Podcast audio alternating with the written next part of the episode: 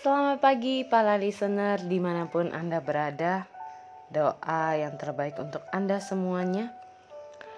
Terima kasih untuk para listener yang tetap stay tune di podcast saya. Semoga apa yang saya bagikan selama perjalanan satu setengah tahun ini Boleh terus menyemangati teman-teman dan menjadi inspirasi buat teman-teman semua. Dan hari ini Fitri mau berbagi cerita adalah tentang bagaimana sih kalau kita berada di titik yang kadang kita nggak mengerti ya. Teman-teman pernah nggak sih berada di satu titik yang teman-teman nggak tahu nih, aduh harus ngapain ya gue, aduh Tuhan gimana nih, kayaknya kok hidup gue gini-gini aja, terus kok gue nggak bisa ngapa-ngapain dan segala macemnya. Nah teman-teman, saya pribadi juga saat ini sedang diproses. Di, ta di tahun inilah saya mengalami titik yang benar-benar kayak wah Tuhan tempat habis dah.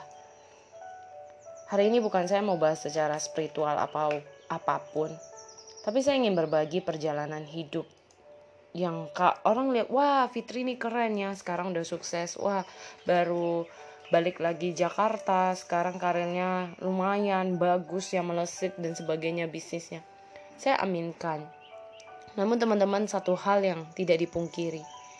Kadang orang cuma lihat dari kulit-kulit luarnya. Orang tidak melihat bagaimana proses perjalanan jatuh bangunnya kita. Dan di dua bulan ini saya mengalami masa bagaimana dua bulan ini benar-benar ditempa Tuhan secara pribadi. Belajar bagaimana benar-benar diproses setapak demi setapak Gimana ceritanya setapak demi setapak? Ya, karena memulai bisnis bukan berarti saya sudah punya uh, kayak orang bekerja ya savingnya pasti segala macamnya. Kita mau gak mau harus push diri kerja. Kalau nggak kita nggak ada income gitu. Nah yang saya mau cerita adalah gini teman-teman. Bahwa di sini saya belajar. Belajarnya kadang hidup tidak ada yang tahu. Belajar satu hal percaya. Kayaknya gak mungkin ya. That's word belief. Di saat saya belajar yang katanya percaya kadang mungkin kita merasa kecewa kalau kita percaya secara manusia kepada orang lain kepada manusia. Tapi hari ini di dalam pengajaran Kristiani di dalam pengajaran agama mengatakan percaya kepada Sang Pencipta Sekalipun mungkin hari ini kita belum melihat proses hasil yang segimana.